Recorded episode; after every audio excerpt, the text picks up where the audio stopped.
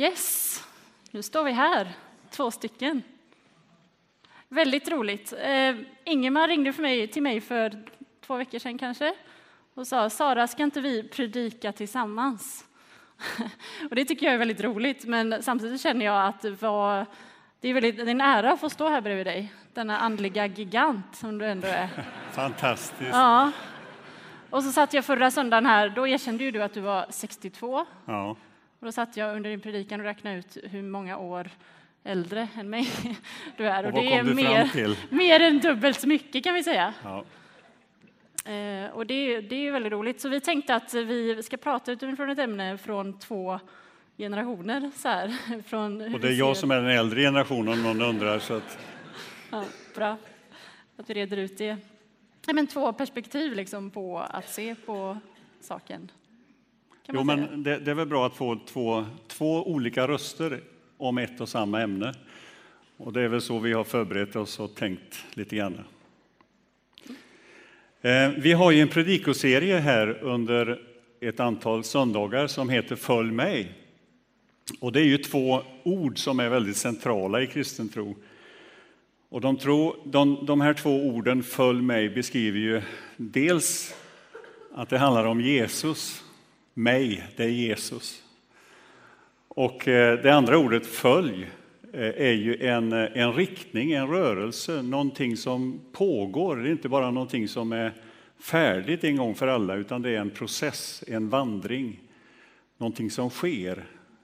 Och det vill vi ta sikte på i det, i det som vi delar idag. Och vi har en text som vi ska läsa tillsammans och ni finner den eh, på sidan 681. Matteus 6, 25-34. Därför säger jag er, bekymra er inte för mat och dryck att leva av eller för kläder att sätta på kroppen. Är inte livet mer än födan och kroppen mer än kläderna? Se på himmelens fåglar, de sår inte, skördar inte, samlar inte i lador, men er himmelske fader föder dem. Är inte ni värda mycket mer än dem? Vem av er kan med sina bekymmer lägga en enda aln till sin livslängd? Och varför bekymrar ni er för kläder? Se på ängens liljor, hur de växer. De arbetar inte, spinner inte, men jag säger er, inte ens Salomo i all sin prakt var klädd som en av dem. Om nu Gud ger sådana kläder åt gräset på ängen, som idag finns till och imorgon stoppas i ugnen, ska han inte då ha kläder till er, ni trosvaga? Gör er därför inga bekymmer. Fråga inte vad ska vi äta, vad ska vi dricka, vad ska vi ta på oss? Allt sådant jagar hedningarna efter. Men er himmelske fader vet att ni behöver allt detta. Sök först hans rike och hans rättfärdighet, då ska ni få allt det andra också. Gör er därför inga bekymmer för morgondagen. Den får själv bära sina bekymmer. Var dag har nog av sin egen plåga. Förhoppningsvis om några år, Sara, så kommer du att eh, studera teologi. Du kommer att bli pastor, eh, stå och predika. Och, eh, Vi får jag tänkte på det när jag läste den här texten och förberedde mig att eh, när man kommer till ett ord som är därför, då ska man alltid titta tillbaka och se vad är, vad är det som har sagts tidigare. Och det är en bra regel att ha med sig när man läser Bibeln. Därför säger jag er. Alltså Jesus har sagt något innan som är väldigt viktigt, väsentligt. Och där har han talat om hjärtat. Han har talat om att eh, tyngdpunkten handlar om vad sker här inne i mitt hjärta. Och i det sjätte kapitlet, samma kapitel och den 21 versen så finns det någon slags nyckelvers. Där din skatt är, där kommer också ditt hjärta att vara. Och jag tänker att det, det kan vara en utgångspunkt när vi ska tala om det här. Följ mig och oroa dig inte. Vad är hjärtat då för någonting? Vad står hjärtat för? Har du funderat på det? Mm. Precis. Alltså hjärtat, det borde ju på något sätt vara det som vi är, eller det som vi längtar efter. Våra passioner, drömmar, längtan. Liksom. Eh, det, som vi, ja, men det som vi djupast sett på något sätt är. Liksom. Eh, och då är det intressant att Jesus pratar så mycket om hjärtat, liksom, vart vi har vårt hjärta. Och då är det frågan, kan vi bestämma det? Kan vi på något sätt liksom leda vårt hjärta rätt? Ja, alltså vad Jesus säger, det, det, är ju inte att gå dit ditt hjärta leder dig egentligen, utan han, han, han säger att vi kan så att säga styra vårt hjärta där, dit det ska gå. Mm. Och det blir någonting annat då. Eh, för att ofta så är det ju i, i, i tänkande idag att gör det du har lust till och följ ditt hjärtas mm. längtan så att säga, vart det än bär, i vilken riktning det än går. Men det är ju inte det som är poängen, som jag ser det i alla fall. Utan han säger att det finns en djupare instans hos oss, en djupare röst inom oss som vi kallas att lyssna till. Och det finns väldigt mycket som vill hindra oss från att höra den inre rösten, höra den, den eh, maningen, den, den tanke som Gud har tänkt om varje människa, om, varje, om, om mig som individ. Mm. Det finns ett uttryck i det här sjätte kapitlet som, eh, som återkommer vet, eh, fyra gånger och det är Fadern som ser i det fördolda. När du ber, gå in i din kammare, din fader som ser i det fördolda. Jag har tänkt, jag su, sugt på det där ordet, ser i det fördolda. Att Gud ser någonting inom oss i varje människa. Eh, den längtan som kanske finns, det, det behov av att få, eller det, det anslag som han kan slå i våra liv. Mm. Hur viktigt det är en inre röst som kallar oss. Och det finns också ett, ett eh, typiskt sånt här judiskt tänkande i detta, att det börjar i hjärtat, så går det till ögat och sen till händerna.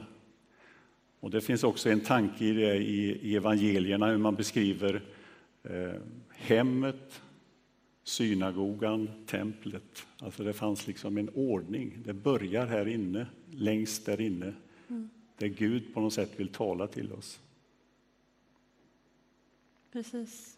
Så det handlar om våra hjärtan, liksom vad, vad vi har i våra hjärtan, kampen om våra hjärtan kanske. Liksom att, att det Jesus säger är att ja, men, led ditt hjärta dit vi... Alltså, att vi på något sätt kan ha en, en inre process som våra hjärtan är på väg mot. Liksom. Ja, att lyssna in. Liksom, eh, alltså Gud vill tala till oss. Gud vill kommunicera in i våra hjärtan. Eh, och det har varje människa en möjlighet att, eh, att lyssna till. Och det, det, är en hemlighet i det. Och det finns väldigt mycket som vill hindra oss från att höra den mm. inre rösten, mm. där Gud vill tala. Mm. Och då är Jesus inne på det här med bekymmer, att det kan vara en grej som hindrar oss mm. från att hålla våra hjärtan nära honom, tänker jag. Ja, vad, ja. vad bekymrar dig, Sara? Bekymrar mig? Ja, alltså, det är, livet är ju inte bekymmerslöst, märker man ju. eh, och alltså jag, jag, vi har ju pratat lite om det här, liksom, vad, vad oroar oss, vad bekymrar oss? Och mycket i mitt liv, där jag är liksom, 23 år, eh, det är liksom utbildning. Vad ska jag bli? Vad ska jag göra? Var ska jag bo? Eh, vem ska jag gifta mig med? Var, var någonstans i världen ska jag liksom ta vägen? Eh, och mycket är också ja, men vad, hur uppfattar folk mig liksom och hur, hur eh, ja, men duger jag? Är jag accepterad? Är, liksom, är det tillräckligt det jag gör och det jag säger? Och då kan jag ju tänka ibland att ja, men det här med boende och eh, utbildning och allt sånt där, det har ju du färdigt. Så du menar jag har inga bekymmer då? Alltså. Ja, nej. nej, men jag kan ändå tänka så att ibland kan man tänka att där jag är om jag bara når dit, där Ingemar är, eller där den personen är, så kommer mitt liv bli bekymmersfritt och kommer det försvinna. Liksom. Men hur känner du? Och så kan jag så? känna att när jag ser på dig, då, åh vad bekymmerslöst det var allting när jag, när jag var i den åldern. Inget, och, allting liksom var så solklart och bra på något sätt. Mm. Ja, men jag kan, alltså det är klart att det finns, eh, när man kommer upp i mina, mina åldrar, så är det mycket som bekymrar en. Hälsan en sån sak. Att glömma en sån där sak. Jag satt på parkeringen här utanför idag och hade glömt koden för att komma in i kyrkan. Alltså då börjar man bli bekymrad.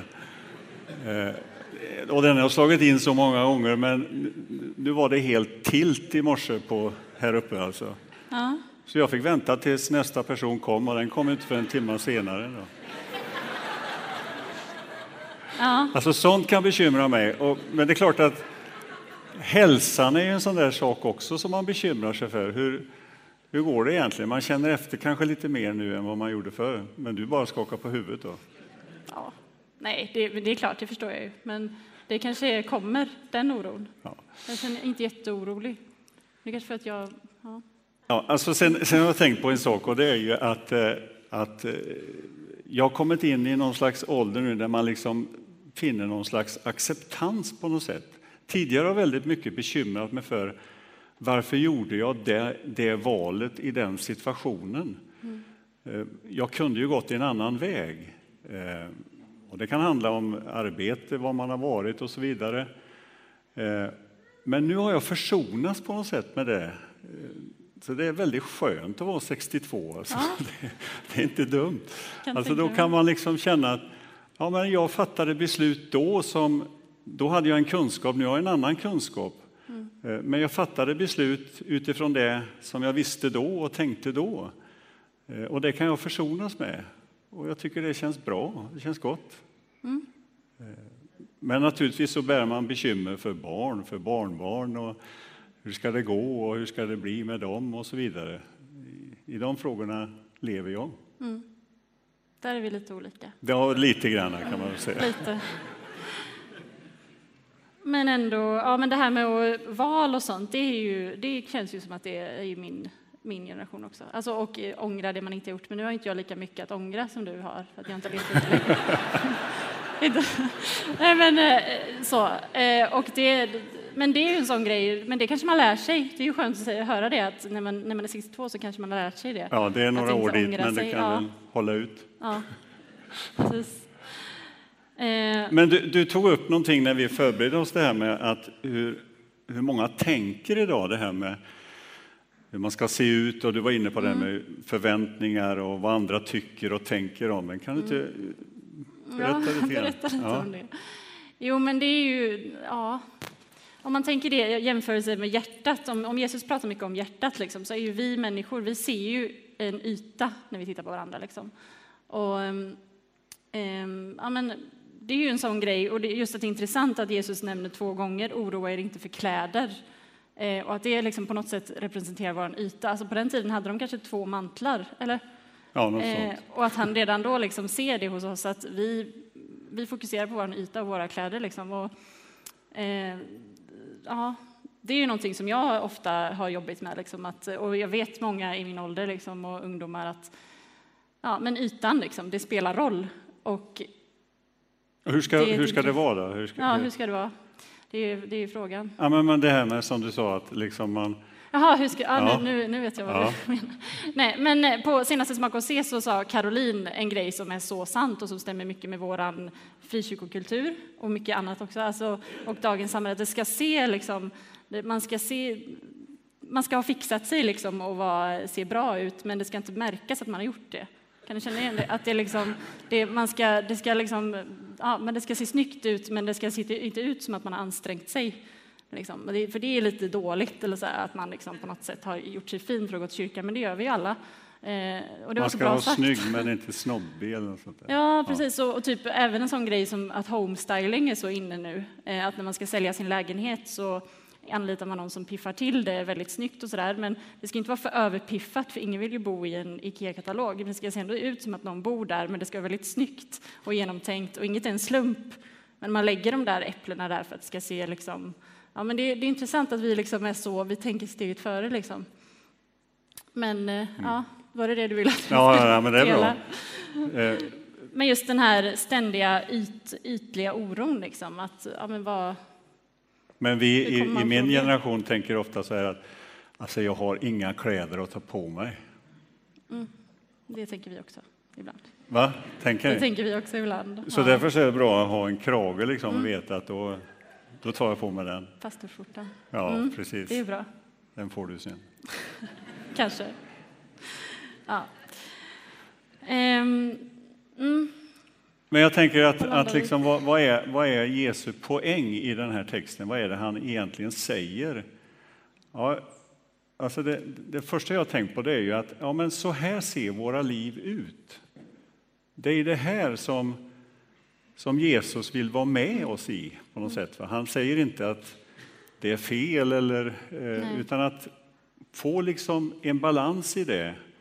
Låt rätt, plats, rätt sak vara på rätt plats och låt eh, värderingarna vara rätta, så att säga. Va? Men, men så här ser våra liv ut. Han säger liksom inte, låtsas inte som att det, ni inte bekymrar er. Eller som att liksom, han, han, han vet att vi bekymrar oss. Han säger liksom inte, det finns inga bekymmer, låtsas som att allt är bra. Liksom. Eller låtsas som att det inte är bekymmer. Utan han säger, han bara ger oss en, eh, en prioriteringslista kanske. Eller en prioriteringsgrej i våra liv. För Ja, våra hjärtan.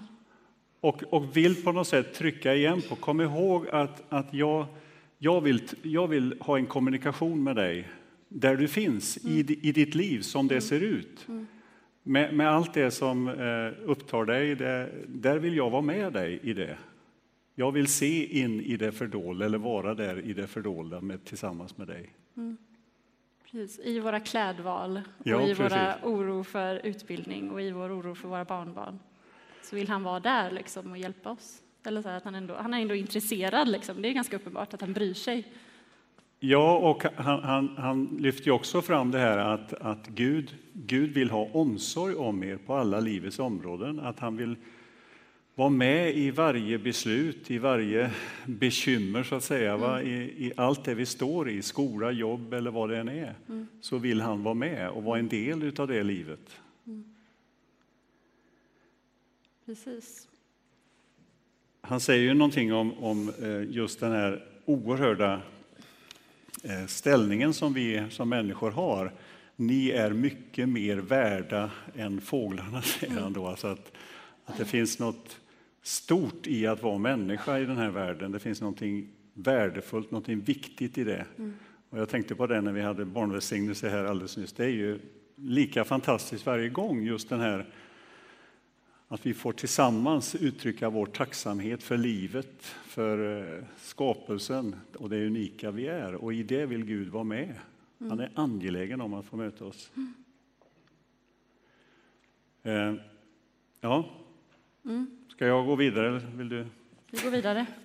Ja, men jag, tänker, jag tänkte så här att jag hade en upplevelse när jag var i din ålder eh, som, som har präglat mig ganska mycket, har jag kommit fram till, som, eh, och som har följt mig genom livet. Och det var när jag liksom var i din ålder och, och liksom sökte det här med vad vill Gud med mitt liv och hade dina bekymmer, så att säga.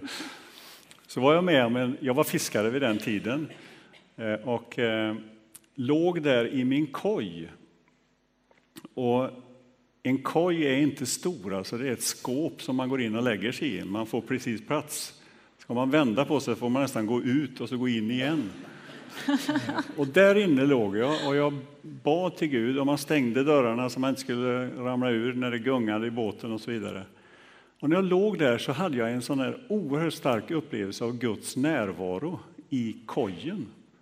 Och sen har jag tänkt på, om Gud kan finnas i en koj, ja då kan han finnas överallt. Alltså då finns det in, inget område, ingen plats i livet på något sätt som jag kan hamna i där inte Gud kan rymmas. Eh, Och jag tycker att det går i linje med det som, som Jesus säger här. Eh, För att han, han inbjuder ju inte till ett sorglöst liv, att liksom bry er inte längre. Det är inte det han säger. Se på fåglarna. Och jag, jag, jag tog honom på orden. Alltså, gör det. Titta på fåglarna, ni som är eh, fågelskådare, ni vet. Alltså, är det några som sliter så är det fåglarna. Eh, de håller på från morgon till sena kvällen och hämtar mat och hämtar eh, saker och ting och flyger fram och tillbaka. Och, och er himmelske fader föder dem, säger Jesus. Mm. Så det finns ingen motsättning mellan att inte arbeta och hålla på och det här att finna vilan och finna ron i, i Gud. Och att Gud förser Att i Gud det. för- Liksom. Ja, precis.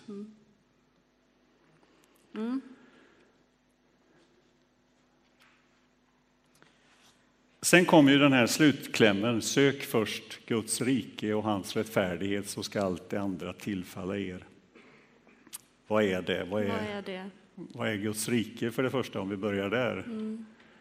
Vad tänker du? Guds rike, ja det är ju där Guds vilja sker. Liksom. Och vad vill Gud? Han vill allt gott. Han vill allt, liksom, om allt som vi ser på den här jorden som inte är gott, alltså sorg, sjukdom, smärta, ångest, alltså allt det, det är inte Guds rike. Liksom. Så jag tänker, och, och som, ja, men så som i himlen och så på jorden ber vi liksom, att Guds rike är tillgängligt här och nu och överallt där hans rike inte är och regerar, där är det möjlighet att hans rike får vara. Liksom. Eh, så allt gott, tänker jag, Guds rike, där, det, där Gud får vara i centrum och regera, för då är det allt gott. Ja, och det, det är ju goda nyheter, det är någonting positivt. Allt vad ni vill att människor ska göra för er, det ska ni göra för dem. Den gyllene regeln är ju också en sån här beskrivning av hur det är att leva i Guds rike. Mm. Eh, vi sa förra söndagen att eh, över våra liv kan det stå en rubrik som lärjungar, i livets tjänst. Eh, och i Guds rikets tjänst är ju också ett sätt att säga det på, så att säga. Mm. Att sträva mot det goda då, liksom, att, ja, att söka Guds rike först, eller att på något sätt i våra val, i våra bekymmer, att liksom, nej men Gud är god och be till honom och komma till honom med det. Och även andra, alltså man säger rent livsval, kan ju vara en sån grej att söka Guds rike, alltså vad vi gör med våra liv, vår tid, att fira gudstjänst, liksom, att ni är här idag är ju ett sätt att söka Guds rike. Liksom. Och, Ja, igen då att, att liksom lära sig att lyssna till den här, eh, hur Gud vill tala till oss, den inre rösten. Och då tänker jag mig också det här med att hitta de här markörerna som hjälper oss att lyssna till och söka Guds rike. Och jag har tänkt på, på några sådana här markörer som är viktiga, men du kanske har några? vad menar du med markörer? Ja, jag menar eh, liksom att vi möts till gudstjänst är ju en sån markör. Man, vi bestämmer oss för vi går hit och firar gudstjänst. Det är en viktig del av våra liv. Det är ett uttryck för att vi vill söka Guds rike. En annan sak kan ju vara eh, givandet, eh, mina pengar. Jag, jag ger eh, och vill öva mig i generositet. Det är ett sätt att söka Guds rike, för jag vet att Gud är generös. Att vissa handlingar som han faktiskt sagt att vi ska göra, det tänker jag, alltså ja, men ge och liksom sträcka våra händer till folk som behöver oss. Eh, Att det är liksom verkligen att flagga för Guds rike först i ens liv. Liksom. Ja. Eh, Och en markör kan ju vara att eh, handla för andra, som vi har här i kyrkan, att vara med på det. Att, ja, men jag, vill, jag vill envetet fortsätta att göra det i en värld där, där människor hungrar, där människor lider, där människor har det svårt. Jag vill vara med och, och skapa förändring. medvetna val. Ja, det är ju, det är ju ett väldigt medvetet val. Ja. brukar jag säga till ungdomar ibland att det är nog ingen slump att alltså om man vill leva ett Guds rikes centrerat liv liksom, och följa Jesus så det är antagligen, eller det kan vara så. Det, jag säger ju inga, men det är ingenting som bara händer, tror jag. Liksom. Att det bara, oj, nu, eller så. Utan jag tror att man medvetet behöver välja det. Vad säger du med den här 62? Alltså liksom att det inte, ja, jag tror inte det, att det är bara liksom, utan jag tror att man får, får kämpa lite och får liksom bestämma sig för saker, även om det inte känns gött att gå på gudstjänst eller gå till husgruppen eller ta upp sin bibel på morgonen, så tror jag att det är medvetna val som gör det. Eh, inte i att vår liksom frälsning på något sätt häng- hänger på det, eller att Guds godhet till oss hänger på det, men att det är liksom, ja, jag tror inte det är Att släppa fram det livet som... Alltså, jag tänker så här att, att vi, vi drömmer ju om förändringar i, hos oss själva, i samhället, var vi än finns. Vi vill se förbättringar och vi söker eh, livet på alla områden. Vi vill hjälpa den som har det svårt och vi vill stötta och, och, och bidra med in i vårt samhälle. Jag tror det är Gandhi som har sagt en gång att, att eh, vi vill vara den förändring vi önskar se. Att, att vi själva är den förändring som vi önskar se runt omkring oss. Precis. Och att, att han faktiskt säger sök först Guds rike. Alltså, att sök liksom är ändå en, ett ord. Han säger liksom inte tänk på Guds rike eller leta efter... Men alltså sök, att det ändå är ett så här, en handling, tänker jag. Liksom. Någonting vi gör, någonting vi liksom strävar efter. Eh, ja, men alltså sök det verkligen ihärdigt. Mm. eh, att han väljer det ordet är ju ganska ja, intressant och, också. Att det faktiskt är en handling. Liksom. Precis, och det ligger ju i den här anslaget som vi har, följ mig. Mm. Det, är liksom, det är en rörelse, det är en riktning, det är mm. att eh, vara på väg hela tiden i en process. Mm. Du började med att läsa en bibelvers i inledningen. Mm. Ska vi landa i den? Filipperbrevet, återigen. Det är så bra så vi tycker att man kan läsa det två gånger på en gudstjänst. Filipperbrevet 4 och 6. Gör er inga bekymmer, utan när ni åkallar och ber, tacka då Gud och låt honom få veta alla era önskningar. Då ska Guds frid, som är mera värd än allt vi tänker, ge era hjärtan och era tankar skydd i Kristus Jesus. Mm. Frid är ändå det han, han ger oss på något sätt. Eh, och det han säger att om vi, om vi kommer till honom, som vi var inne på, hela livet, liksom, med alla våra bekymmer, alla våra val, allting vi gör, liksom, om, vi, om vi, alla våra önskningar, säger han, då vill han ge oss frid och våra tankar och våra hjärtan skydd. Liksom, det är ändå stort. Och då kan friden han... vara någon slags ledstjärna mm. att följa. Mm, precis. Mm. Tack. Tack. Ska vi avsluta där? Ja. Mm. Vi ber. Vi ber. Mm, tack Jesus för din frid som vi kan få ta emot. Ehm, du ser allt som pågår i våra liv med bekymmer, med val, med oro. Eh, och jag ber Gud att vi ska hitta den längtan att söka ditt rike först. Jag ber att eh, det som vi, vi sitter och tänker på här nu som är, kanske känns omöjligt, eller som känns som ett för stort hinder för dig på något sätt ska få falla till marken, för du är större Gud. Ehm, och jag ber ge oss en, en längtan efter ditt rike, en hunger och en törst efter dig, så vi väljer att styra våra hjärtan efter dig, Jesus. Vi längtar efter det. I Jesu namn. Amen. Amen.